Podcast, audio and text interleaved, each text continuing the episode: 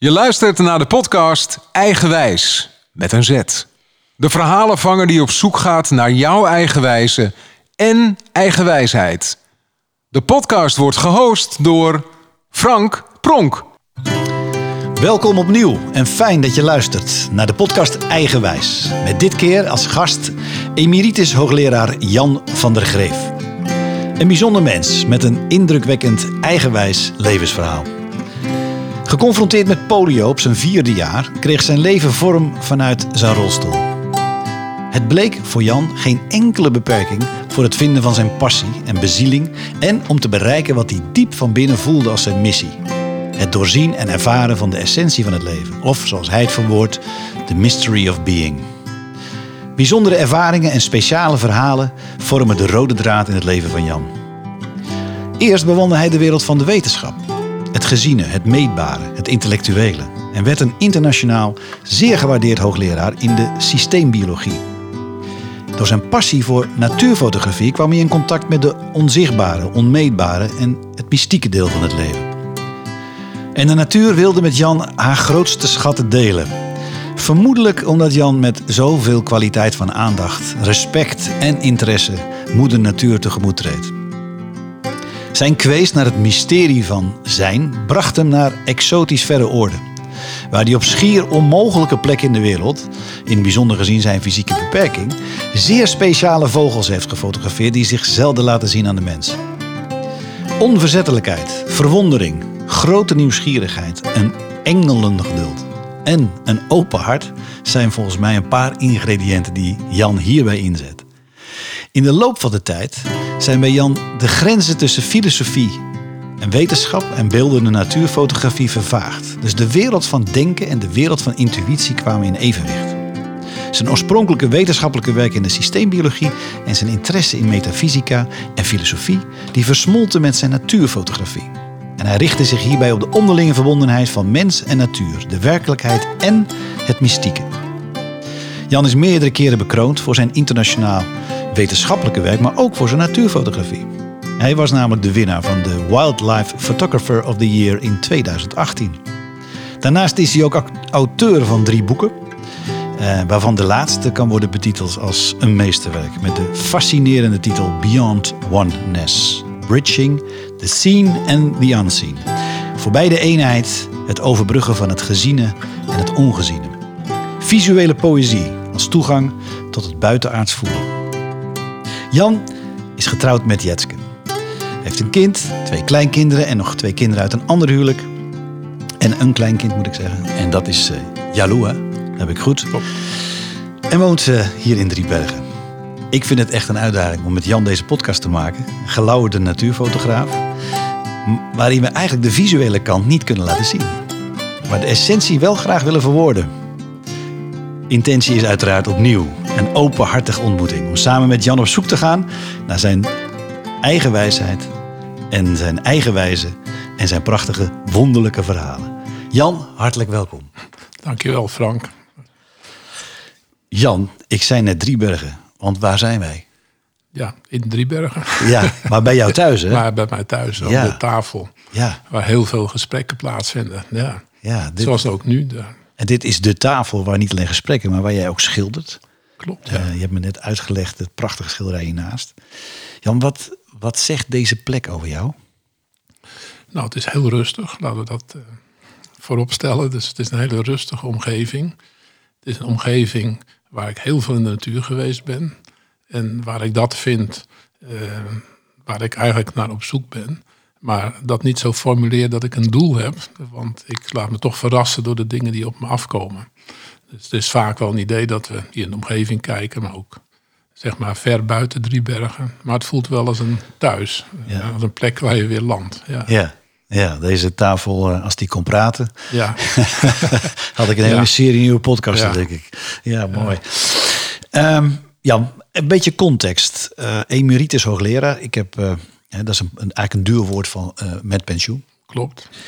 Um, vertel eens, thuis, even context voor de luisteraar. Broertjes, zusjes, hoe... Als we, als we Jan even neerzetten als ja. met, met, mensen die jou totaal niet kennen. Ja, ik had één zus, die is overleden. Ja. Uh, dus we waren een heel klein uh, gezin. En eh, ja, als ik terugdenk aan de tijd van toen ik heel jong was, was het gewoon een heel fijn gezin. Waar eh, heel warm en hartelijk was. Dus ik heb enorm eh, getroffen met waar ik eh, zeg Ja. maar in het leven gekomen ben. En als je, als je het even een paar maanden hebt, eh, wie, Ja. wie heeft je het meeste meegegeven? Als je kijkt naar hoe jij uiteindelijk Ja. de dingen bent gaan doen. Ja, mijn vader en moeder hadden allebei iets bijzonders. Mijn vader was een hele rustige man. Dat Heel, heb, dat heb je overgenomen. Want ik dat vind je ook een hele rustige man. dat heb je van je vader. Ik denk dat het eh, zo is. Ja. Hij sprak niet zoveel, maar heeft mij ongelooflijk veel vertrouwen gegeven eh, in het leven. Ik denk dat ik daar heel erg dankbaar voor ben. Als ik naar mijn moeder kijk, dan was het een, zeer zorgzame, lieve vrouw die alles deed wat ze kon. Maar die had wat angstiger. eh, die was bang, vooral toen ik polio kreeg, van komt het wel met hem goed. Dus het was fijn om een balans te hebben met mijn vader, denk ik. eh, Ja. om gewoon te zeggen, we gaan gewoon leven en we zien het wel. Eh, maar gewoon doorgaan. En dat geeft je dan heel wat, eh, wat, wat basisvertrouwen mee. Jan, jouw werk als fo- fotograaf, fotograaf, we hadden net een mooi voorgesprek. En dan zeg je, ja, dan, dan ben ik verwonderd en nieuwsgierig. Dat is volgens mij ook het basisingrediënt om jouw werk te kunnen doen. Ja. Maar als je zou kunnen, wat, wat zijn dingen die jou echt kunnen verwonderen? Ja, eigenlijk als ik terugkijk weer naar toen mijn bewustzijn echt eh, een beetje handen en voeten kreeg, dat ik er zelf eh, ook woorden aan kon geven, is het altijd zo geweest dat als ik naar buiten was in de natuur, en dan vooral vogels. Vogels, ik denk dat ik daar gewoon vanaf eh, moment nul, zou ik maar zeggen, wist, ik hou van vogels. Eh, dus de vogels trokken me aan. Maar ik keek ook om me heen als ik wel eens aan het vissen was. En dan zag ik natuurlijk ijsvogels onmiddellijk. En eh, zag ik ook vissen en andere dingen. Dus de natuur op zich ik was gewoon heel nieuwsgierig ook van... waar zitten ze nou en hoe komt dat nou? En waarom zitten ze hier en niet daar?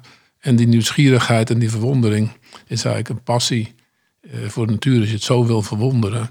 En dat heeft natuurlijk ook in de richting van de wetenschap als eerste geduwd. Ja, van, ik ja. wil gewoon weten, wat zit erachter? Ja, precies. Want Ja. je wordt uiteindelijk eh, hoogleraar ja, systeembiologie. En ik, mijn vraag zou, zou hebben. eh, bij de vraag die ik had was: hoe, hoe kom je tot zo'n studiekeuze? Maar die le- leg je eigenlijk al uit. Hè? Dus de, de, de fascinatie voor natuur.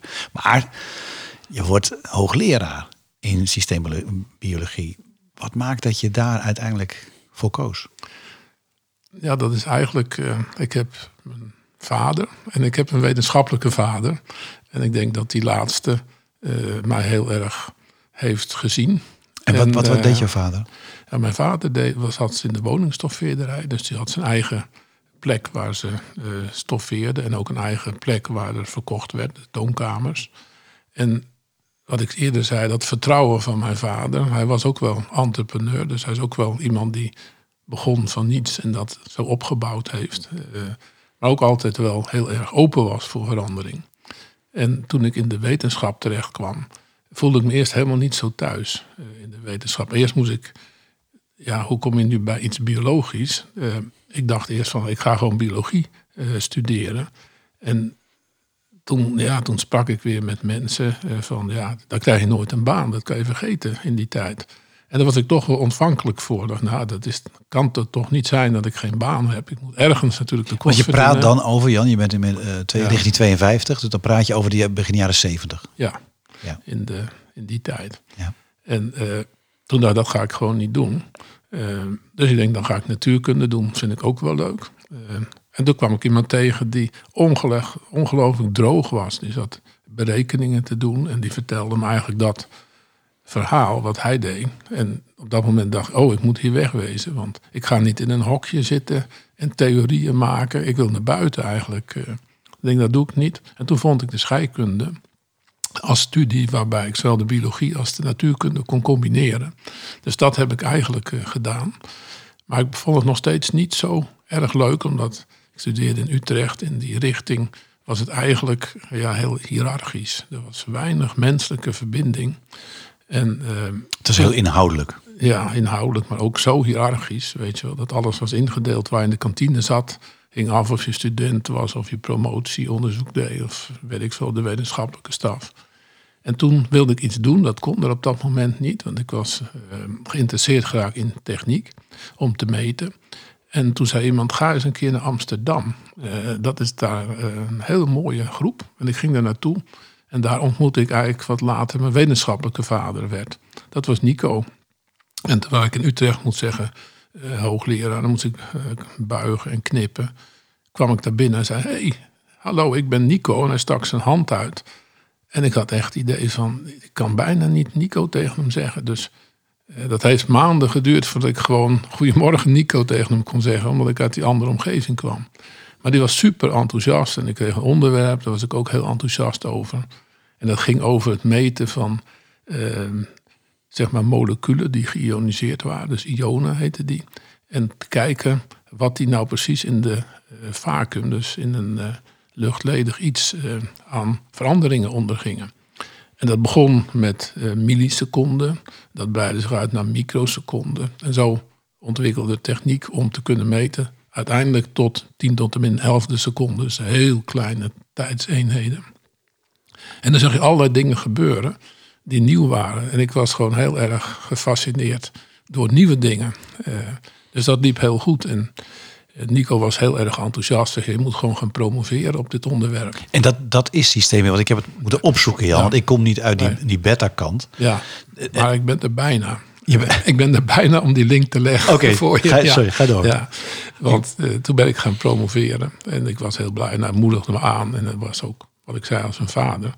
En toen, die techniek ontwikkelde zich. En, eh, en er waren mensen die er geïnteresseerd waren. Niet zozeer uit de fysische hoek alleen. Maar met die techniek kon ik ook heel bijzondere metingen doen. Ik kon op een draadje, wat ik toen ontwikkeld had, kon ik een druppeltje bloed leggen. En dan ineens zag je wat er in dat druppeltje bloed zat. En dan niet alleen glucose of cholesterol, maar wel 300 verbindingen. En dat vond ik natuurlijk vanuit een biologisch opzicht heel erg leuk. Want dan kan je niet kijken, heeft iemand de cholesterol, maar het is een hele profiel. Dus je ging kijken naar een individueel profiel. En dat veranderde ook nog met de tijd. Dus de dynamiek, wat je in jezelf, om het, als je in het leven kijkt, in de natuur, zie alles is dynamiek. En alles is met elkaar verbonden. Dat zat al eigenlijk al in me. En Nico was enthousiast en ging andere mensen vertellen van... nou, als je nog iets wil weten over gezond en ziek, wij kunnen misschien helpen. En voor ik het wist, was ik overstroomd met eh vragen van... ik dit meet en dat meet. En zo vormde zich langzamerhand iets wat uiteindelijk de naam systeembiologie kreeg. Omdat je niet naar één molecuul kijkt of eh, een heel beperkt aantal, maar naar de totaliteit. Eh, Ja, want als Wikipedia, dat heb ik even geraadpleegd eh, om het te duiden. Maar die zegt ook, er is niet een eh, eenduidige definitie van het eh, systeembiologie. Nee. Maar het is het, althans zo beschrijven zij het, op het niveau van de cel het geheel bestuderen. Maar wat jij beschrijft is dat, dat er voor jou dus een wereld open ging toen je die ontdekking deed. Wetende dat alles één, of alles met elkaar verbonden is. Ja, kijk, die definitie vind ik bijvoorbeeld zeer beperkt. Ja, dat, is- dat is echt, vond ik ook. Echt hoe het in de, vaak dingen mensen willen samenvatten om het in een iets te duwen. En dat is het probleem als je ergens een woord voor wil hebben, dan wil je het eigenlijk inkaderen. Terwijl systeembiologie eigenlijk gaat over het ontdekken dat alles met alles verbonden is. Dus het gaat niet over een cel, het gaat over een lichaam. En als je het gaat over een mens, dan wil je ook graag weten, als je gezondheid verandert, eh, welke omgeving zit hij, wat is zijn psychologie, hoe zijn zijn sociale interacties. En zo is er eigenlijk een model ook ontstaan dat bio-psycho-social heet, om dat mee te nemen. En ik wil er graag spiritueel achteraan plakken. Maar in de wetenschap eh, vergt het nogal wat om van bio naar eh, psycho en social te komen in zeg maar, de wetenschap, de wiskunde, natuurkunde waar ik in zat. Maar dit vind ik heel intrigerend om te horen. Ja, want eigenlijk zeg je, eh, toen al was dat een heel holistische kijk. Ja, het is mooi dat je het woord noemt, want zo wilde ik het ook noemen. Helemaal geen systeembiologie, omdat het is gewoon heel holistisch. Maar nou praten we over 2000 of zo, toen ik al een tijd eh, eraan gewerkt had. En eh, een nieuw bedrijf in Amerika werd gestart rond deze technologie en visie. Toen dacht ik, dat noem je holistisch, maar wetenschappelijk werd je dan ook gelijk van de bühne geduwd als je het woord holistisch gebruikte. Dus moest er iets komen wat aansprak. En systemen hebben mensen het gevoel van dat heb je goed in orde, daar kan je dingen aan veranderen. Terwijl dat niet was wat ik eigenlijk wilde uitdrukken. Maar het was wel iets waardoor ik kon communiceren met mensen. Dus je moet altijd naar woorden zoeken dat er een opening komt om te spraken. Anders heb je gelijk polarisatie. Dus je zoekt naar een brug eigenlijk tussen twee werelden elke keer. Dat zie ik ook in mijn leven terugkomen. Waar woorden ongelooflijk belangrijk zijn. En je leert dus dat heel veel woorden heel veel emoties met zich meedragen. En die je niet bedoelt, maar die ander daar wel aan uh, heeft verbonden. En dan kom je vaak in de verkeerde richting uh, terecht. Dus je zoekt naar verbindende woorden. En vandaar dat holistisch nu weer gebruikt mag worden. Omdat mensen nu het woord best wel weer oké vinden, zou ik maar zeggen. Maar ik vind het mooiste woord om te beschrijven uh, wat ik deed. Maar vanuit de wereld waar je toen in zat, die toch gaat over meten en ratio en intellectueel ja. enzovoorts, was dit de opening. Jan, je publiceerde meer dan 400 artikelen. Je ontving diverse pre prestigieuze internationale onderscheidingen. Je was ongelooflijk gepassioneerd. Klopt, ja. Hoe kwam dat? Wat maakte ja, dat? Ik... Het, is niet, het is niet gewoon een, normaal hoogleraarschap wat jij ingevuld hebt. Nee. Ja, ik, voor mijn eigen gevoel uh, dacht ik, ik ga nu echt iets ontdekken. Weet je wel? Ik, elke dag als we wat meten was er iets nieuws. En dat begreep je niet. En dan ging je het uitzoeken. En zo kwam je weer in een nog grotere schaal terecht. Uh, dus gezondheid meten is natuurlijk heel belangrijk. Diagnostiek is heel belangrijk. Dus toen ik kon meten het verschil tussen mensen, waren de mensen die zeiden: ja, dat is dus echt een techniek, daar heb je niks aan. Want je wil graag één pil voor iedereen hebben. Uh, zeg maar uh, ja, de bekende gedachte van uh, ja, één oplossing voor iedereen. en dat dacht ik, dat is toch helemaal niet zo. We willen juist de verschillen kennen van mensen. Je wil het op een persoonlijke manier kunnen inschatten. Dus die diagnostiek moet je verbeteren, anders kan je de interventies helemaal niet goed maken. Was dat de grote driver achter? Nou, niet direct, maar in het begin zag ik van, oh, ik zie verschillen tussen mensen. Waar, wat kan ik daarmee of wat moet ik daarbij bedenken? En omdat ik in een, een vrij medische omgeving terecht kwam, had ik ook gekozen, omdat ik die biologie zo mooi vond van de mens werd natuurlijk ook gelijk vertaald. Kan je daar iets mee om mensen te helpen? Uh, en dan zie je dat ik in die tijd terecht kwam in iets wat ik beperkt vond. Omdat uh, men eigenlijk het paradigma achter de ontwikkeling van geneesmiddelen is heel erg gebaseerd op de ontdekking van penicilline. Gewoon het hele simpele idee, er komt een of andere indringer van buitenaf in je systeem. En dan gooi je er gewoon een bom op, dat is antibiotica. Dat klinkt simpel. Maar als je naar kijkt, dan zeg je dat is dus een reactie op iets. Maar je hebt je op één vijand gericht. Dus dit wordt de war against principe. En dat zie je in de namen van medicijnen terug. Het is vaak anti-dit, mm -hmm, blokker, mm -hmm, inhibitor. Dus het is remmen, stoppen uh, of vernietigen uh, gevoel. En dat helpt wel heel goed. Natuurlijk als het een heel acute situatie is, dan ben je blij dat je geholpen wordt. Eh. Maar je gaat, als je dat eenmaal bedacht hebt en ziet, denk ik, wil gewoon weten. Wat is het met een chronische ziekte? Of hoe, hoe zit preventie in elkaar? Dat kan je niet krijgen door te, eh, zeg maar, te extrapoleren vanuit de pathologie, uit de ziekte. Ja, precies. Want wat je beschrijft is ziektebestrijding, maar jij was met name aan het kijken naar gezondheid. Ja, en dan krijg je die focus op gezondheid, terwijl je eigenlijk maar kennis hebt over ziekte mensen. Dat is heel beperkt. Dus ben ik op zoek gegaan naar waar vind je eigenlijk gezonde mensen. Dat is nog best wel lastig, want dan moet je dus een definitie voor gezondheid hebben. En eigenlijk hebben we die helemaal niet. Maar wat we wel heel goed zien is dat als je naar een systeem kijkt, dan is uh, systeemrespons heel belangrijk. Namelijk hoe reageer je op iets. Dat geeft vaak meer diagnostische uh, informatie dan als je uit één meting op één moment van iemand iets moet concluderen. Kijk, als wij zo zitten te, te, ja, te communiceren met elkaar, dan is het moeilijk voor jou om te weten of ik nog wel kan lopen of niet. Als je me een uitdaging geeft van staat op, weet je onmiddellijk dat mijn systeem dat niet kan. Of je laat iemand een beker glucose drinken en je kijkt hoe is de respons daarop. En als je ziet van nou dat is, het systeem kan het niet verwerken, dan ben je misschien in de richting van een diabetesachtige uh, ja, uh, staat van je lichaam aan het gaan. Dus die definities hebben gezorgd dat gezondheid anders werd bekeken. Ja, ik, ik, ik tel een uh, klein luikje open, Jan, en daar kunnen we volgens mij heel ja. veel inhoudelijk boeiende dingen mee uitwisselen. De podcast heet Eigenwijze, dus ik, ik, ik trek je een klein beetje terug naar het ja. Eigenwijze die wetenschappelijke carrière is rijk geweest, is diep geweest. Ik voel je nog steeds, je passie ervoor. Kan je terugkijkend proberen uit te omschrijven wat het jou opgeleverd heeft, die route? Ja, die route heeft me opgeleverd dat ik heel anders ben gaan nadenken over de mens, maar ook mezelf met name. Ik heb mezelf altijd een boeiend uh, studieobject gevonden. Ik heb ook allerlei mensen die, waar ik een goed gevoel bij heb, mij dingen uh, laten geven of ondernemen om te zien wat voor invloed het op mijn gezondheid had. In verband En, met, eh, met jouw fysieke... Ja, fysiek. Ja. En, eh, en zo leer ik dus vanuit het holisme dat bijvoorbeeld Chinese geneeskunde eh, heel holistisch is en naar preventie kijkt. En dat heeft heel veel opgeleverd. Maar wat ik er echt uit leer is van wat is het wereldbeeld achter eh, die geneeskunde. Eh, daar ben ik steeds meer geïnteresseerd geraakt. In het Chinese geneeskunde is dat meer het Taoïsme. Maar bij ons, wat is je wereldbeeld? Eigenlijk is dat centraal komen staan van ja, als ik iets over iets wil bestuderen, dan doe ik dat vanuit mijn eigen wereldbeeld. Zo, wat is iemands wereldbeeld? Ik gebruik het woord mensbeeld. Bedoel je hetzelfde? Ja, het is eh, overlappend, denk Ja, ik. Dus ja. van mens en mens in de wereld. Ja. Dat is natuurlijk heel belangrijk. En zo kwam ik eigenlijk steeds in filosofie terecht. Van, eh, ja, in de wetenschap. Ik begon dat te zien. Dat is eigenlijk, je kijkt naar alles om je heen. Dus je bestudeert gedrag. En dan probeer je een formule te maken. Of een theorie. Of een concept. Dus dan ga je het in elkaar zetten. Eh, en je gaat het helemaal in kaders neerzetten.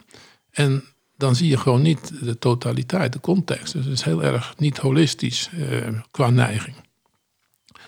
Als je dan denkt van, goh, maar er zit toch veel meer achter. Dan bedenk je dan, hoe kan ik dat nu bestuderen? Maar in de wetenschap doet iedereen dat bijna vanuit een derde persoons perspectief. En dat betekent dat je eigenlijk los van wat je bekijkt staat.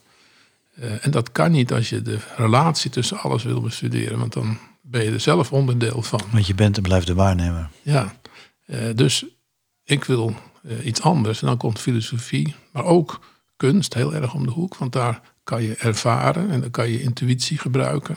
En de wetenschap is natuurlijk, als ik wat zeg, dan moet je het kunnen herhalen, kunnen falsificeren. Eh, iedereen moet het kunnen meten. Maar dan ga je eigenlijk de wereld heel erg klein maken. Eh, tijdens een lezing die ik bij jou eh, mocht bij, bijwonen, haalde je een volgens mij treffende uitspraak voor van Will Dur- Durant. Every science begins as philosophy and ends as an art. ja. Ligt eens toe. Ja, nou dat voelt een beetje zoals bij mij gegaan is. Van wetenschap vind ik prachtig, vind ik nog steeds prachtig. Maar dan merk je de grenzen. En dan denk je, oh, die gaat de grens over. Eh, en de filosofie was al, ik wilde weten hoe het leven in elkaar zat. Eh, dus de filosofie kwam steeds meer binnendringen.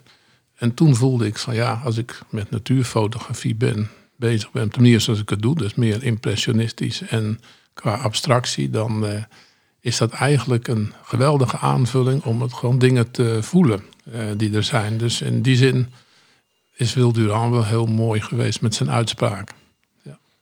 Ja.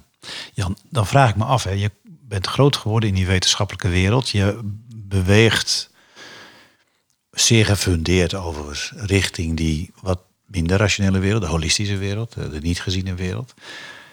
Ehm, hoe reageerden je wetenschappelijke collega's daarop? Op die voortschrijdende Ja. inzichten van jou?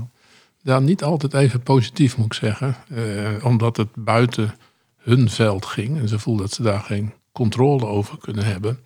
En die vonden dat eigenlijk niet wetenschappelijk. Eh, dus we hebben veel discussies over gehad. En ook over het begrip van ja, je wil graag iets begrijpen. Eh, en het woord zegt het al, dat is grijpen, controle houden over iets. Eh, maar je moet ook gewoon over die grens heen durven stappen om te ontdekken. Eh, als je op ontdekkingsreis gaat, dan ga je dingen vinden die je niet weet. Dus expect the unexpected eh, is eigenlijk toch een heerlijk gevoel in mijn ogen. En, en jij ging op avontuur, ook wetenschappelijk gezien. Want ik denk, nu begrijp ik dat dat misschien ook wel bij je vader vandaan kwam. Eh, want je was medeoprichter van bedrijven in, in de Verenigde Staten, Ja. in Europa. op basis van technologische innovaties. Dat was ook weer zo'n uitdrukkingsvorm van die passie. Ja. Het was toen ik ontdekte van dat systemisch meten, want we ontwikkelden dus die meetmethodiek. Ik kon enorm veel leren, wat er allemaal te leren viel, zou ik maar zeggen. Dus dat trok me aan. In Nederland, omdat het hele dure technologie was, was het niet makkelijk om daar vorm aan te geven. Maar er waren Amerikaanse investeerders die heel veel interesse hadden. Daar ben ik geweest en hadden een groep uitgenodigd met mensen van MIT en Harvard en was een discussie en die waren gelijk enthousiast. Dus toen werd op dat moment gezegd, dit gaan we gewoon doen. Dit is de nieuwe wereld die we in moeten duiken om geneesmiddelen te maken vanuit een holistisch perspectief. En uh, dat zag ik helemaal zitten. Ik werkte toen bij TNO en de universiteit op twee plekken. En het kostte tijd om dat mogelijk te maken in de goede afspraken tussen alle partijen. Maar ik vond het heerlijk om uh, gewoon van scratch te beginnen met uh, nog een andere collega in een klein kantoortje. En dat is over de tijd gegroeid. En heeft zich ook ontvouwd in, in de droom die op dat moment ervaren werd, of niet? Ja, en die moment vond ik het fantastisch. A, omdat geld geen probleem was. Uh, dus er werd gezegd, gaan, gaan. En dat is een fijne omgeving dat je mag gaan en niet uh, elke keer moet overleggen en uit moet leggen. Want als je nieuwe dingen doet, kan je niet echt uitleggen. Maar het is duidelijk dat natuurlijk je wel moet proberen aan te geven hoeveel geld zoiets gaat kosten. Dus de wetenschap ook onze vleugels uitslaan. Ja, het was echt in die tijd, die begintijd, was uh, waanzinnig mooi. En ik kwam natuurlijk op allerlei bedrijven. En ik kon met die mensen praten, dat was ook allemaal heel leuk. En die keken mee en sommigen waren sceptisch. En daardoor leverden ze ook weer aandacht voor dingen. Uh, en gingen daardoor weer verder. Dus dat was eigenlijk een waanzinnig mooie tijd. Ja. Jan, ik heb je van tevoren gevraagd om wat betekenisvolle momenten aan, met mij, uh, aan mij toe te ja. sturen. En ik wil er een paar met je doornemen. Dus ja. ik, we komen vast dit pad nog wel weer op. Ja. Maar ik voel uh, in ieder geval de, waar, waar, je vandaan komt, waar je passie zit. En ik begin langzamerhand meteen te voelen wat de logica is van wat we nog gaan met elkaar gaan bespreken. Uh, want ook dat uh, is een uitdrukkingsvorm van het holisme. Maar even terug, Jan. Um, je krijgt op je vierjarige leeftijd polio. Dat was een van de eerste betekenisvolle momenten die jij opgaf. Kijk, je weet niet beter, hè? Ik bedoel, je bent inmiddels 70. maar heb jij nog herinnering aan dat moment? Nou, er zijn uh, zeker flarden uit die tijd. Ja. Sommige die komen van mezelf en andere komen natuurlijk van de informatie van mijn vader en moeder. Maar ik weet nog wel het moment dat ik er iets met me was. En ik werd opgehaald met een ambulance en mijn moeder ging mee, want ik had polio. en het eerste wat ik meemaakte was isolatie, want ik werd in quarantaine gelegd. Ik mocht mijn ouders niet zien. Die mochten alleen maar uh, komen kijken van buiten door het glas heen om naar me te zwaaien. Dus dat was voor hun ook super zwaar als ik terugdenk. Dat heb ik later ook wel gehoord. Maar zelf lag ik daar geïsoleerd en ik kon eigenlijk niet veel bewegen. Ik kon alleen mijn hoofd en mijn schouders enigszins, mijn armen wat bewegen. En de rest was eigenlijk helemaal verlamd. Nou, die flarden die spelen nog zo, als ik het zo met je overleg, die zie ik gelijk weer voor, voor mezelf. Dus dat speelde mee. En wat mijn vader en moeder me altijd verteld hebben, ik was altijd heel optimistisch. En ja, dat herinner ik eigenlijk ook. Uh, en ik had altijd zin. Uh, maar belangrijk in dat proces, toen ik dus verlamd was en dat heel langzamerhand weer wat beter ging, dat ik lag in een uh, revalidatiecentrum, de Hoogstraat, wat nu in Utrecht ligt, maar toen in Leersum. En daar lag ik bij een raam en ik kon naar buiten kijken. En ik weet nog wel dat ik spechten zag en andere vogels soms een ree. En ik denk dat dat enorm geholpen heeft eh, om in de dag gewoon heel te observeren. Ik was gewoon ook bezig. Dat heeft me zeg maar afgeleid van wat je niet kon. Wat is die liefde voor vogels, Jan? Ja. Wat is dat? Ja, over, tijdens mijn leven heb ik ontdekt dat ze voor vrijheid staan. En dat is natuurlijk in ja. dat geval wel enigszins uh, ook die dualistisch. Ja, want ja, ja, je wil de vrijheid, maar ja, je hebt je beperking fysiek. Maar het heeft me wel een levensles opgeleverd, een belangrijke levensles. Namelijk dat vrijheid niet zit in je fysieke mogelijkheden, maar hoe je denkt, of misschien wel hoe je soms niet denkt, om gewoon te voelen. Dit is, dit is bijna, ja. Jan, dit, is, dit, dit zou ik zo'n quote willen zijn die ik uit dit, uit dit interview zou willen halen om en ergens op de muur te plakken. Want dat is volgens mij zo niet alleen heel waar, maar ook een van de essenties volgens mij van jouw leven. Want het lijkt je echt niet te hebben beperkt in wat je in de wereld wilde zetten. Heeft het je ergens wel in beperkt?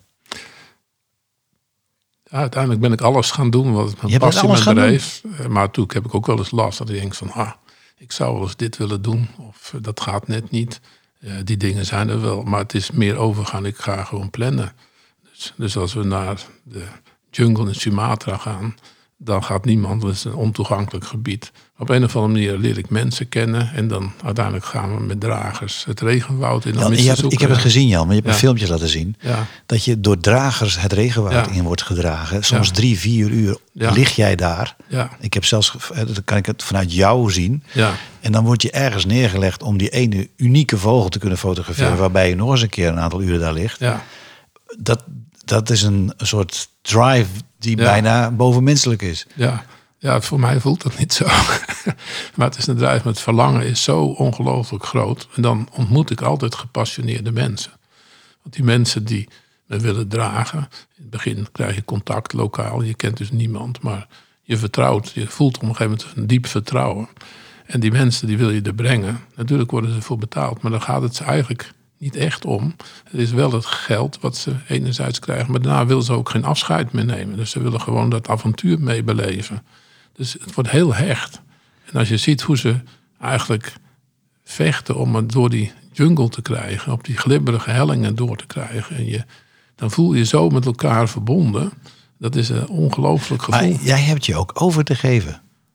Ja, Want die dus, gasten, eh, die, ja, ja. en ik heb, ik heb het gezien. Het, het zijn niet eh, prachtige, rustige, strakke paden waar ze overheen gaan.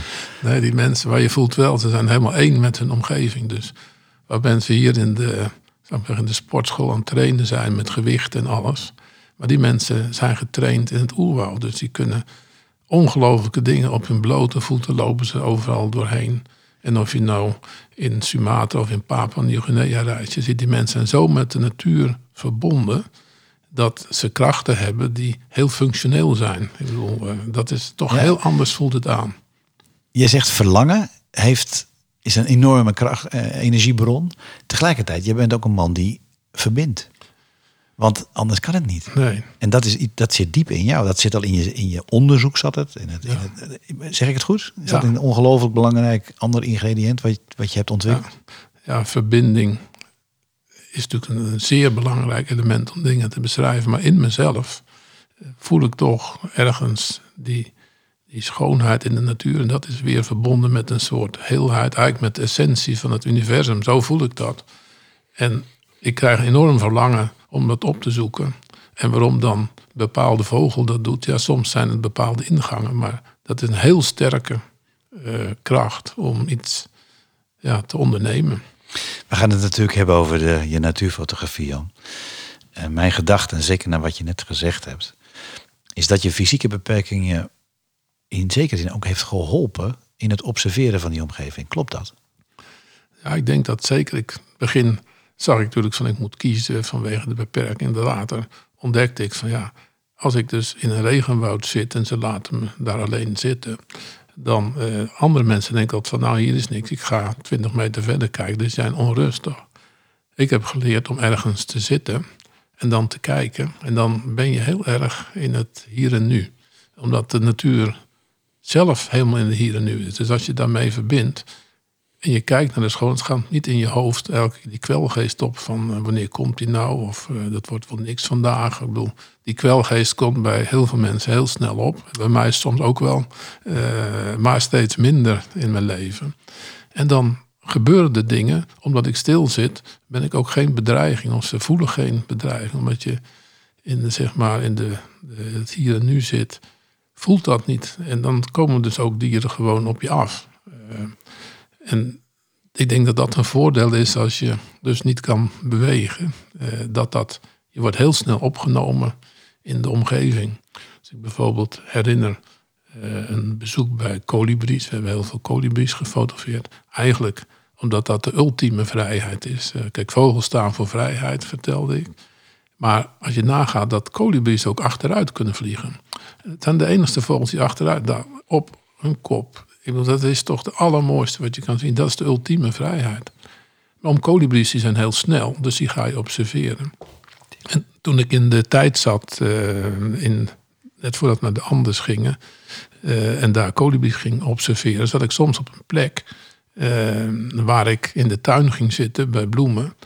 En dan moet je lang zitten, maar voor mij is het eigenlijk niet lang, want ik vind het zo mooi. Dus dat, dat grote geduld wat mensen mij toeschrijven, kan ik zelf nooit plaatsen, want ik vind het altijd jammer als het over is, zou ik maar zeggen. Dus, eh, Maar dan komen de kolibries op je af. Op een gegeven moment kwamen ze op mijn hoofd zitten en zelfs op mijn oor. En dan, ik kan niet iets vinden waardoor ik gelukkiger word als er een vogel zomaar op mijn oor komt zitten, omdat hij me volledig vertrouwt. De, en dat gevoel is uh, ja, onbeschrijfelijk mooi. Je schrijft ook als een van je kantelmomenten de ontmoeting met de zwarte specht. Ja. ja, dat is ongetwijfeld een mooi verhaal. Ja, ja dat is. Deel het dus met onszelf. Ja, nou, dat is een, een ontmoeting geweest, niet ver hier vanaf. De zwarte specht komt in Nederland voor, is niet heel erg algemeen. Dus je moet wel een beetje zoeken uh, om hem te vinden. Maar hier in de omgeving uh, zijn er al zwarte spechten. Op een dag uh, was ik met de auto aan het rondrijden en met mijn verrekijker. Maar ik hoorde de zwarte specht. En ja, geluid is eigenlijk super belangrijk als je vogels zoekt. En op een gegeven moment zag ik hem. En toen ben ik gestopt. En ik dacht van, oh, ik kan misschien wel fotograferen. Maar het was een, een afgescheiden landgoed. dus dat kon er niet op. Maar toen kwam er een man op me affietsen ineens. En meestal is dat niet zo goed nieuws, want dan willen ze niet dat je te lang staat te kijken dicht bij hun huis. Maar goed. En ik vertelde wat ik zag en hoe mooi het was. En die was helemaal blij met zijn zwarte specht. Hij vond het ook zijn zwarte specht. Hij zegt, je mag hier net zoveel komen als je wil om te fotograferen. En zo heb ik ze twee voorjaren uh, gevolgd. En, uh, met het bouwen van hun nest. Dus ik kon het heel goed waarnemen. En toen was er een moment, dat herinner ik nog heel goed, dat ik s'morgens aan kwam rijden. En dan, ik mocht steeds dichter bij het nest komen. Ik zag dat ze dat helemaal niet problematisch vonden, die zwarte spechten. En ik wil mijn auto plaatsen. Ik zie ineens dat die zwarte specht is heel onrustig. Hij is maar het heen en weer vliegen, omhoog, omlaag. En ik denk, er is vast wat. Misschien dat er een havik in de buurt is of een boommarter. Iets er moet iets bedreigend zijn, maar ik zag het niet. Dus ik parkeerde weer op de, dezelfde plek als altijd, zo'n 15 meter van de nestboom af. En toen vloog hij op me af. Dat had ik nog nooit meegemaakt. En hij zat zo tegenover me op de boom. En dan ging omhoog omlaag. Ik denk, hij is helemaal opgewonden. Hij zat er dichtbij om te kunnen fotograferen. Ik denk, hij wil me wat vertellen, maar ik, ik snap het niet. Ik kan het niet begrijpen. En toen, op een gegeven moment, vloog hij weer het nest in. En toen dacht ik, nou ja, het is over. Maar toen kwam hij eruit en toen had hij een doodjong in zijn bek. En hij liet dat zo zien. En toen vloog hij weg om het weg te brengen. En op dat moment voelde ik dat hij dat aan mij wilde laten zien. En als ik het nu vertel, word ik alweer bijna emotioneel. En ik ben helemaal emotioneel naar huis gereden, naar Jetske. En ik vertelde het verhaal. Ik zeg, het is gewoon, dat kan ik me niet voorstellen bijna. Ik heb er foto's van gemaakt. En in dat hele gebeuren voelde ik ineens een nog diepere verbinding dan ik al dacht dat er zou kunnen. Dus dat heeft mijn wereldbeeld enorm veranderd. En sinds die tijd ben ik anders gaan kijken als vogels in mijn buurt kwamen. En dan zag ik dat ze dus wel degelijk contact leggen, maar op zo'n manier. Ja, het voelt net of je eigen kind verliest. Zo was het eigenlijk. Zo dicht stond ik bij ze uh, in dat hele proces. Dus zo leefde ik met ze mee. En ja, dat is natuurlijk je eigen gevoel wat daarin meegenomen wordt. Maar ik kan het niet anders dan dat voelen. En dat heeft mijn leven wel enorm veranderd. Hoe we één zijn met elkaar. Ja. Ja, ik word ook een beetje stil van Jan. De, ik, ik, je hebt het al over je wetenschappelijke vader gehad, maar jij gaf ook aan dat uh, Gary Sukaf um, jouw inspiratiebron is geweest. Met zijn boek De Dansende uh, Woelie, zeg ik het goed? Ja, Woelie. Woelie-meesters. En Gary Sukaf is een uh, Amerikaanse spirituele leraar. En hij heeft verschillende boeken geschreven.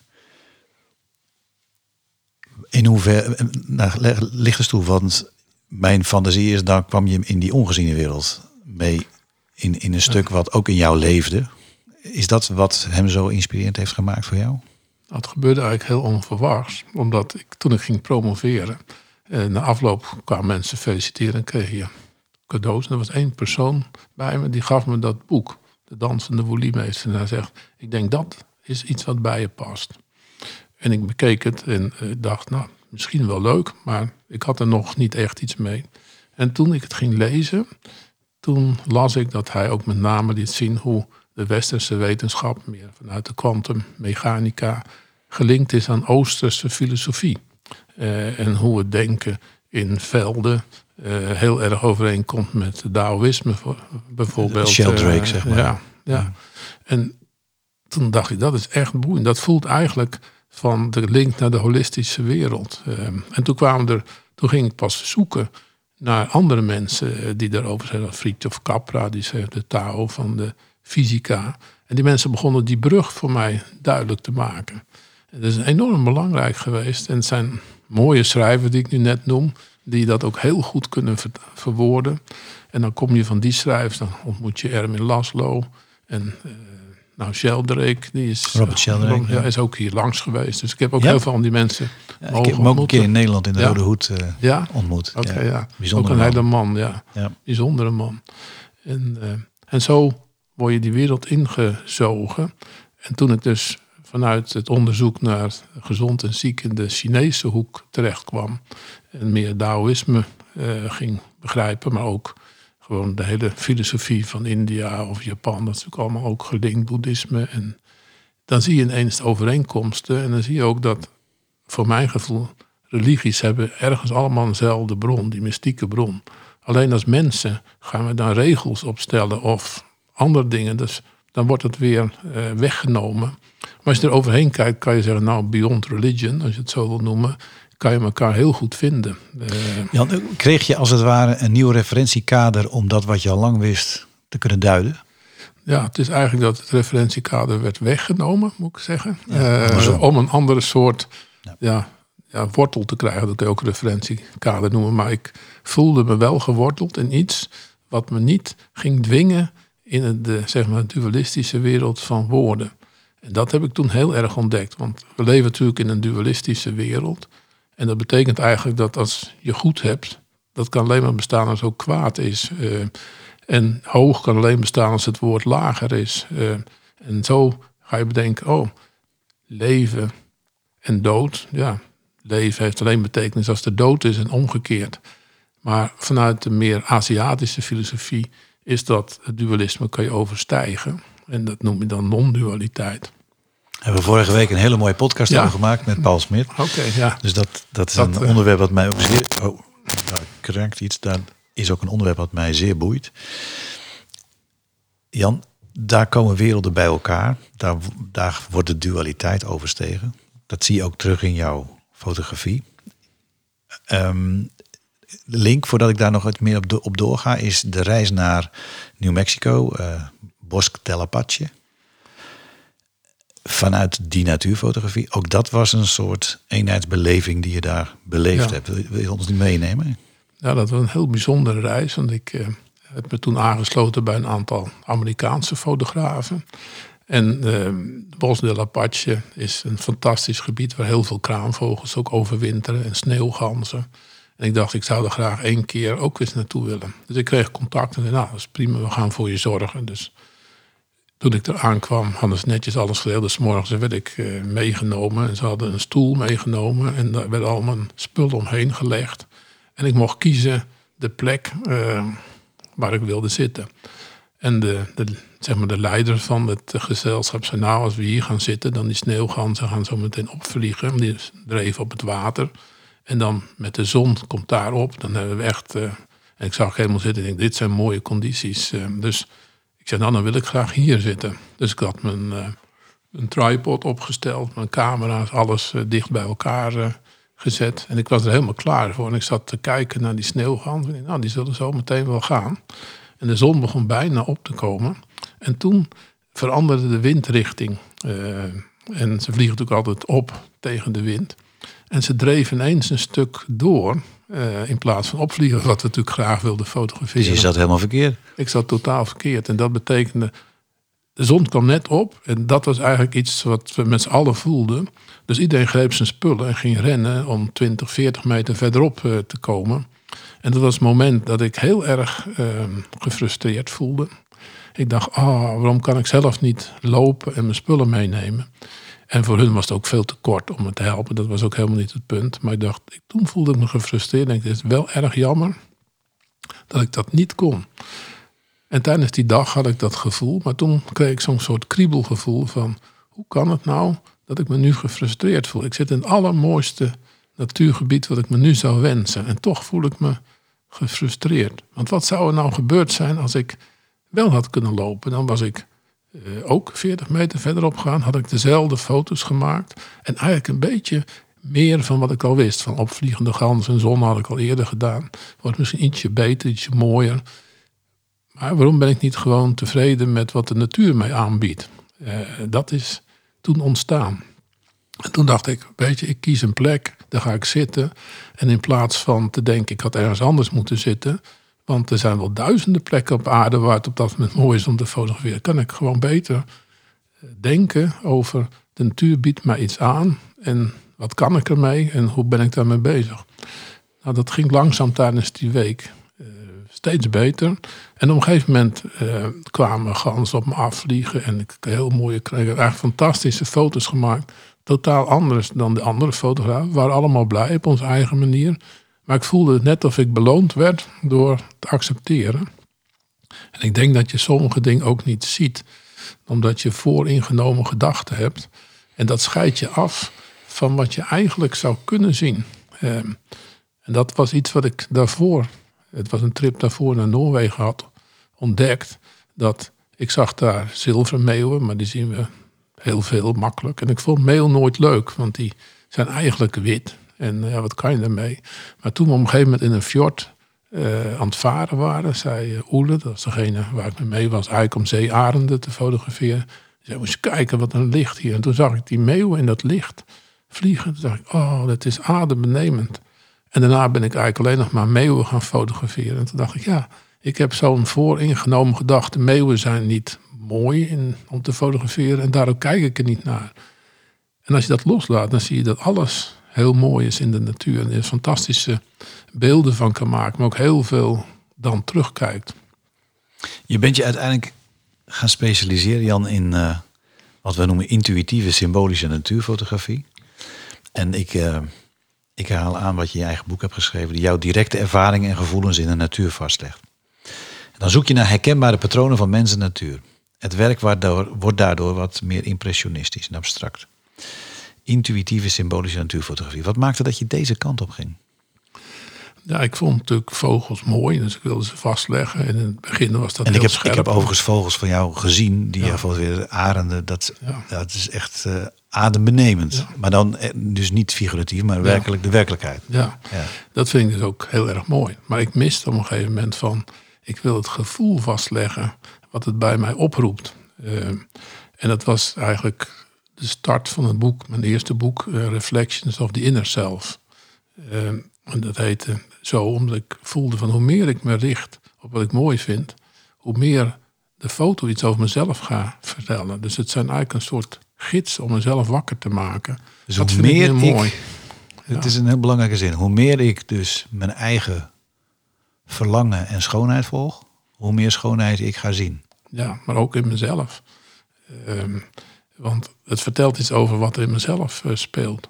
En dat is eigenlijk gegroeid. En toen dacht ik, ja, wat vind ik mooi? Oh, die snelheid van die arend vind ik mooi. Ik vind die scherpe klauwen mooi gefotografeerd als hij een vis pakt. Ook mooi. Toen dacht ik, goh, ja, eigenlijk is beweging wat in mij het meest, zeg maar, me meeste raakt. Het leven is eigenlijk beweging. Uh, en dan heb je natuurlijk structuren en vormen daarbij als je fotografeert. Maar de beweging is eigenlijk wat me heel erg aanspreekt. Toen dacht ik, ik wil gewoon die arend in beweging fotograferen. En toen ben ik met langere sluitertijden gaan experimenteren. En toen verschenen er eens foto's die iets lieten zien wat ik nooit met heb kunnen waarnemen. Er waren andere dingen. Uh, je zag ineens allemaal vleugelbewegingen. En na nog abstracter zag je gewoon alleen maar iets waar je nog echt moeite moet doen om een vleugel te herkennen. Maar ik vond het fantastisch mooi. Ik denk, nou, hier wil ik gewoon meer van in. Ik ga gewoon dingen ontdekken uh, die eigenlijk er zijn, maar niet ziet. Uh, als je kijkt met de ogen zoals je die normaal gebruikt. En dat opent dan een wereld die uh, oneindig groot is en die ook enorm kan verrassen. Ja, en ik, ik heb jouw mooie boek. Het is echt een, ja, dat is, het is echt kunst. Het is absolute kunst. En met dit als uh, jouw toelichting als achtergrond geeft het nog meer betekenis. Um, dat boek Beyond Oneness is denk ik een soort, nou laten we zeggen, het is je laatste meesterwerk. En want je weet niet wat er nog komt. Maar het is ook volgens mij wel een proberen een soort samenvatting te pakken van die kweesten die jij al op jonge leeftijd jezelf had neergezet. Klopt dat? Ja, het was, eh, ik dacht, als ik hele mooie foto's maak, dat is een moment dat ik in dat eenheidsgevoel zit. En niet in mijn denken zit. Dus geen kwelgeest die me zeg Ja. maar, elke keer afleidt. Eh, en dat, die momenten, die wil ik graag delen. Dus mijn gevoel was van, kan ik niet een boek maken met eenheidsmomenten... die ook nog iets over mijn wereldbeeld eh, zeggen die ontstaan is. Zodat ik het kan delen met mensen die dan soms niet precies weten waar ze naar kijken... maar wel een gevoel opwekt. Zo, Eh, zoals een ze- schilderij dat kan doen. Ja, Ja. en eh, toen heb ik dat gaan verzamelen. Eh, en dat is het boek Beyond Oneness geworden. De eerste uitdaging was, welke titel moet het hebben? Want ik heb het vaak over oneness. Maar dan zit ik weer met woorden. En ik wilde eigenlijk niet die woorden gebruiken. Dus ik dacht, nou ja, het moet eigenlijk iets zijn... als ik dan toch woorden moet hebben, moet ik toch wel kunnen communiceren. Het gaat verder dan dat eenheidsgevoel. Het is onbeschrijfelijk, eh, eigenlijk onbegrijpelijk. Dus ik noem het Beyond Oneness. En toen dacht ik, ja, maar ik kan het niet op de voorkant zetten, want dan gaan mensen gelijk naar die titel kijken. Dus eh, in overleg met de vormgever, die zei, nou dan zet je het toch gewoon op de achterkant van je boek. Toen dacht ik, ja, dat is eigenlijk veel beter. eh, dus dat heb ik toen gedaan. Dus eigenlijk zeg je niet, het is voorbij de eenheid. Het is veel meer voorbij het, het is veel meer het uitdrukken van het onbeschrijfelijke. Ja, je wil eigenlijk het onbeschrijfelijke beschrijven, dat gaat niet. Dus je wil een richting aangeven in plaats van iets wat omkaderd is. eh. dus dat was eigenlijk wel heel mooi. En ik wil dat mensen visueel het boek binnenkomen. Want als je beelden zijn zo maar bij je binnen. En muziek is ook zomaar bij je binnen. En dan heb je nog niet tijd gehad om er allerlei meningen over te hebben. Want dat gaat vaak over in oordelen. En het proberen oordeelloos te kijken naar iets is heel moeilijk. Eh, maar dat gebeurt vooral als je dat gaat processen. Van eh, is het mooi of niet mooi? Wat vind ik ervan? Terwijl dan word je overvallen door een beeld. Daar staat ook niet veel uitleg bij. Daar staat achter in het boek wat uitleg. Eh, Met het idee van probeer het eerst te ervaren. En dan te bedenken wat het bij jou eh, teweeg brengt. In plaats van te denken voel ik hetzelfde als degene die de foto gemaakt heeft. Want daar gaat het eigenlijk niet om. Het gaat over je eigen beleving. Die op een of andere manier geraakt wordt. Ja. Hier past eigenlijk alleen maar stilte, Jan. Dus, maar ik, het is een podcast, hè, dus ik ga toch samen. Ik, ik het intrigeerde me ook dat jij als jong jongetje had je deze droom al. Je hebt een stel, steeds herhalende droom gehad. Ja. En, en dat ging, nou misschien wil je hem toelichten. En Ja. volgens mij is het bijna een soort aanwijzing geweest voor datgene waar wij het nu over hebben. Ja. Als je het zo verwoordt, denk ik dat het helemaal overeenkomt met eh, hoe ik dat ook ervaar. Als kind had ik die droom dat ik een arend was en heel hoog in de lucht vloog. En dan keek ik naar beneden en dan, ja, dan had ik een gevoel wat ik niet zomaar kan uitdrukken, maar gevoel dat puur geluk, er was geen tijd. Het leek alsof ik alles begreep. En er was ook een enorme vredegevoel, eigenlijk de ultieme staat van geluk. Eh, dat bracht me dat ik arenden op ging zoeken eh, in, eh, in de wereld, omdat altijd het gevoel gaf. Maar die droom gaf eigenlijk aan over de heelheid van alles wat er is, die oneness. Het was eigenlijk een oneness droom. En dat zat dus in me. En ik denk als richtingwijzer van hou je daaraan vast en zoek eh, naar momenten waarbij je die heelheid kan ervaren. Wat ik dus heel intrigerend en ook fascinerend vind, is dat je, je stapt in de wereld van wetenschap, de stappen van weten, meten, rationaliteit, wetende al heel snel dat dat slechts een deel van het verhaal is. Je maakt uiteindelijk die andere kant nou, letterlijk zichtbaar, maar je gaat hem ook ervaren. Eh, ook volgens mij vanuit dat diepe verlangen van ik wil snappen hoe het werkt. The mystery of being. Kun je nu, nu met 70, je, je hebt het laten zien in fotografie. Kun je nu tegen jezelf zeggen, goh, ik, heb, ik begrijp het. En dat is al verkeerd Ja, uitgedrukt, ja, want die ja. kan het niet begrijpen. Dat begrijp ik. Ik begrijp dat je dat gaat zeggen. Maar als we, als we het dan toch in woorden moeten proberen te vangen, Ja. wat zou je dan? Ja, ik, ik denk dat ik de richting beter eh, voor mezelf kan invoelen die ik loop. Van ik ben weer terug naar die heelheid. Eh, ervaren, zoeken. Ehm, en die richting die voel ik heel sterk en steeds sterker worden. En elke keer gebeuren er weer dingen waar ik denk van, hoe kan het toch? Hoe kan het toch? En dan word ik weer blij van. En dan ga ik weer verder. Dus ik voel het pad is heel mooi. En het ontvouwt zich. En het ontvouwt zich uh, elke keer weer. Je ontmoet mensen zoals wij elkaar nu ontmoeten. En in die ontmoetingen liggen heel belangrijke dingen. Als je eh, over na gaat denken over het vormen van compassie. Bijvoorbeeld in de gezondheidszorg kan je dat bedenken als iets heel belangrijks in deze tijd. We gaan steeds verder van elkaar af als we niet oppassen. Dat komt omdat we onze verbondenheid met de natuur niet voelen. Want dan waren we weer met z'n allen verbonden. Dus als je de natuur weer toelaat, zie je dat het een enorme invloed heeft op je gezondheid. Maar als je ook die verbondenheid voelt, en dan ga ik weer even terug naar mijn jeugd, dat een ziekenhuis vind ik eigenlijk aan de buitenkant als kind vond ik het vreselijk en ik vind het nu nog steeds uh, niet een fijne omgeving, omdat je meestal met wat angst binnenkomt. Maar er zijn hele fijne mensen die je daar kunt ontmoeten. En ik weet wel als kind dat ik dan kwam op plekken, dat vond ik niet leuk. En ineens was er dan een arts die tegen je zei van, goh, hoe gaat het eigenlijk met je? Uh, en dan probeerde hij wat te vertellen, dan hielp hij nog verder. En dan had hij zo het gevoel van, we gaan samen eens kijken wat we nog kunnen doen. Nou, die artsen, die kan ik nog zo aanwijzen wie dat waren. En dan is denk ik al 80% van je genezing in gang gezet. Uh, dus dat en daar zit ook de overeenkomst met de natuur. Ja, dat voel ik dat daar de, eigenlijk de, dat gevoel uit de natuur naar voren komt. Dus als de vogel die ik net zei op mijn hoofd komt zitten, komt dat gevoel. Als die relatie tussen een arts en een patiënt niet een arts en een patiënt is, maar een menselijke ontmoeting. Waarbij de een kijkt hoe kan ik je helpen in plaats van voor te gaan schrijven wat je moet gaan doen. Dat is een gigantisch verschil, ongekend verschil. En dat is ook wat je ziet heden ten dagen, dat we toch weer heel veel dingen moeten omdraaien. We hebben heel erg over efficiëntie, minder over effectiviteit.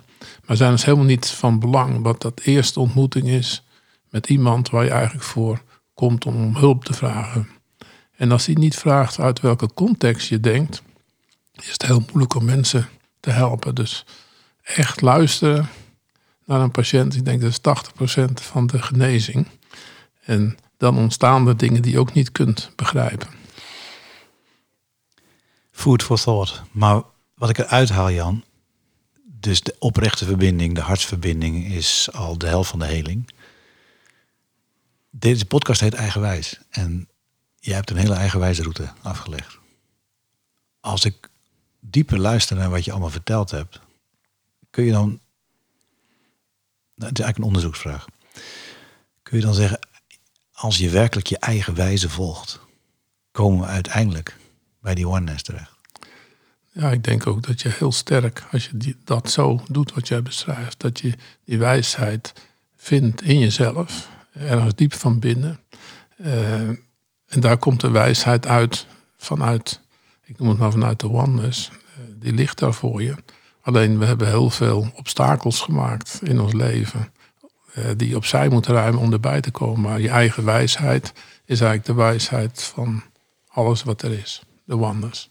En naarmate je meer contact maakt naar, de, naar je eigen binnenwereld, heb je meer toegang tot dat stuk. Ja, en als je dan elke keer wat je beleeft probeer te reflecteren. Dat doe ik heel veel met Jetske. Dan ga je leren over de dingen die nog eh, in de weg staan om je nog gelukkiger te voelen. Jan, je noemt de naam van, eh, van je vrouw Jetske. We hadden net een heel leuk uh, voorgesprek met Jetske, want ook dat is een bijzondere vrouw met een bijzonder verhaal. Ehm, wat betekent zij voor jou op die reis? Ja, wat ik een, heel veel, eigenlijk alles.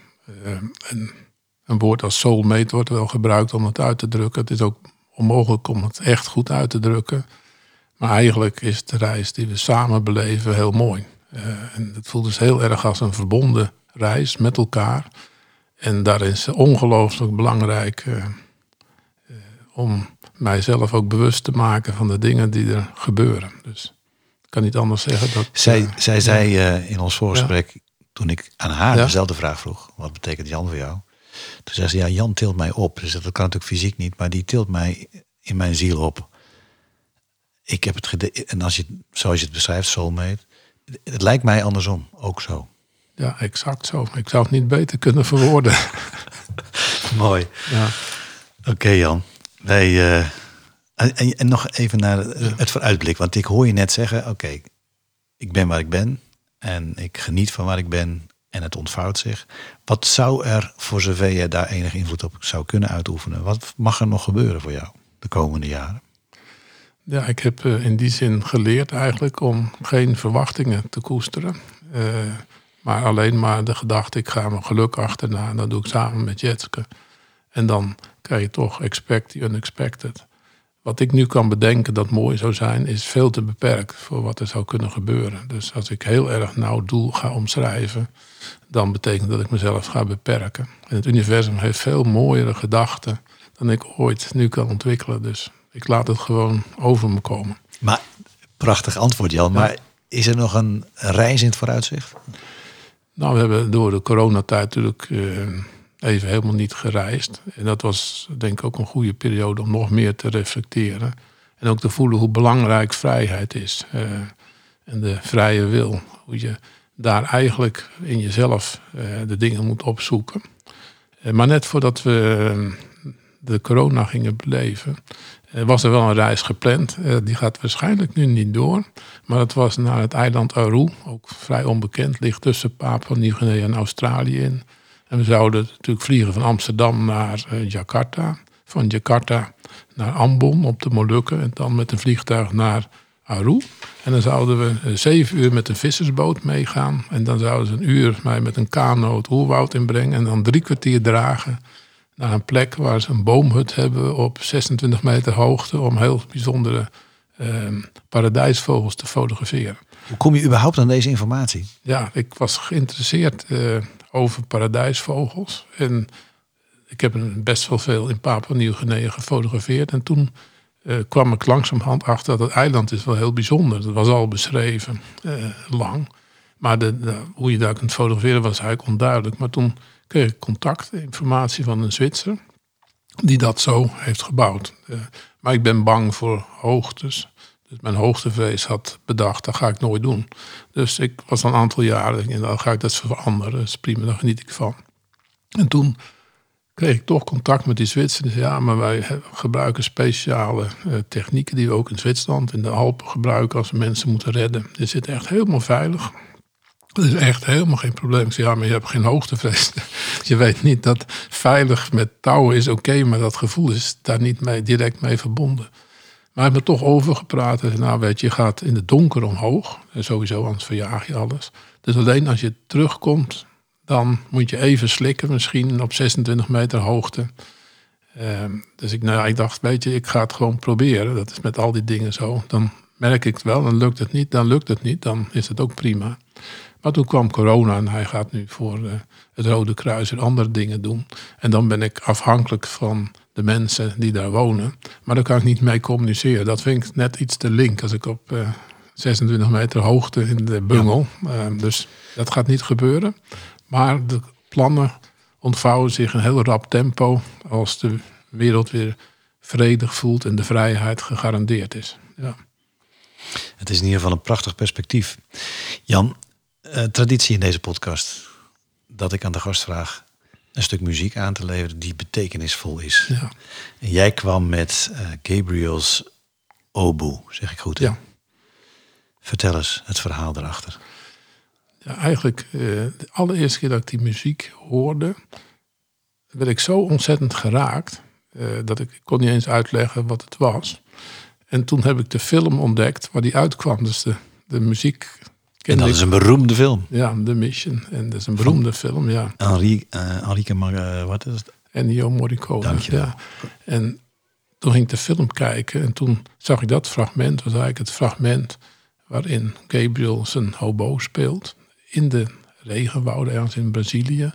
Waarbij hij contact krijgt met de natuur, maar probeert ook contact te leggen met de, de mensen die daar in het oerwoud leven. Dus het gaat eigenlijk over verbinding van natuur en mensen bij elkaar. Toen dacht ik, wat een mooi thema in de film. En ik voelde dus de rilling als ik het hoor. Ja, ja natuurlijk, want dat is ook jouw, le jouw ja. levensthema. We gaan er naar luisteren, Jan. We gaan er naar luisteren.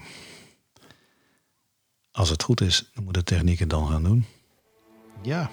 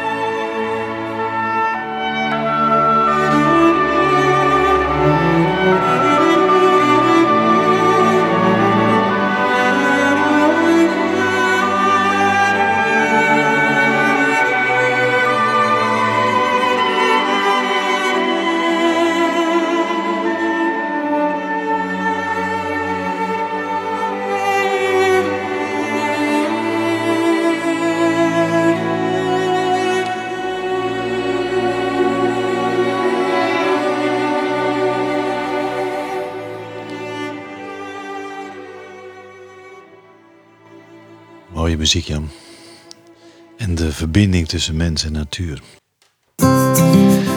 En dat is het bekende wijsje, totaal andere sfeer, het outro van uh, Eigenwijs. Jan, hoe heb je het gevonden? Nou, ik vond het uh, heel mooi en ik vond het een hele fijne en ook warme ontmoeting met elkaar. En ik denk dat het ontmoeten van mensen op deze manier een van de mooiste dingen is die je in het leven kunt meemaken. Dat ben ik helemaal met je eens, Jan. Heel erg hartelijk dank. Voor de luisteraars, mocht je weer meer willen weten over Jan van der Greef, ga naar zijn website janvandergreef.com of lees een van zijn verhalenbundels.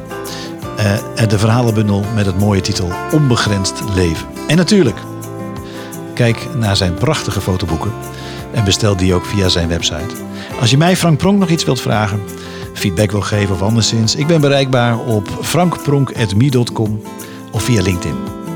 De podcast Eigenwijs gaat verder op reis in deze lentereeks. Er zijn boeiende interviews die nog staan te wachten en er zijn er ook al veel te beluisteren. Dus abonneer je op de podcast en mis ze niet. En voor nu, heel hartelijk dank voor het luisteren. En graag tot een volgende keer.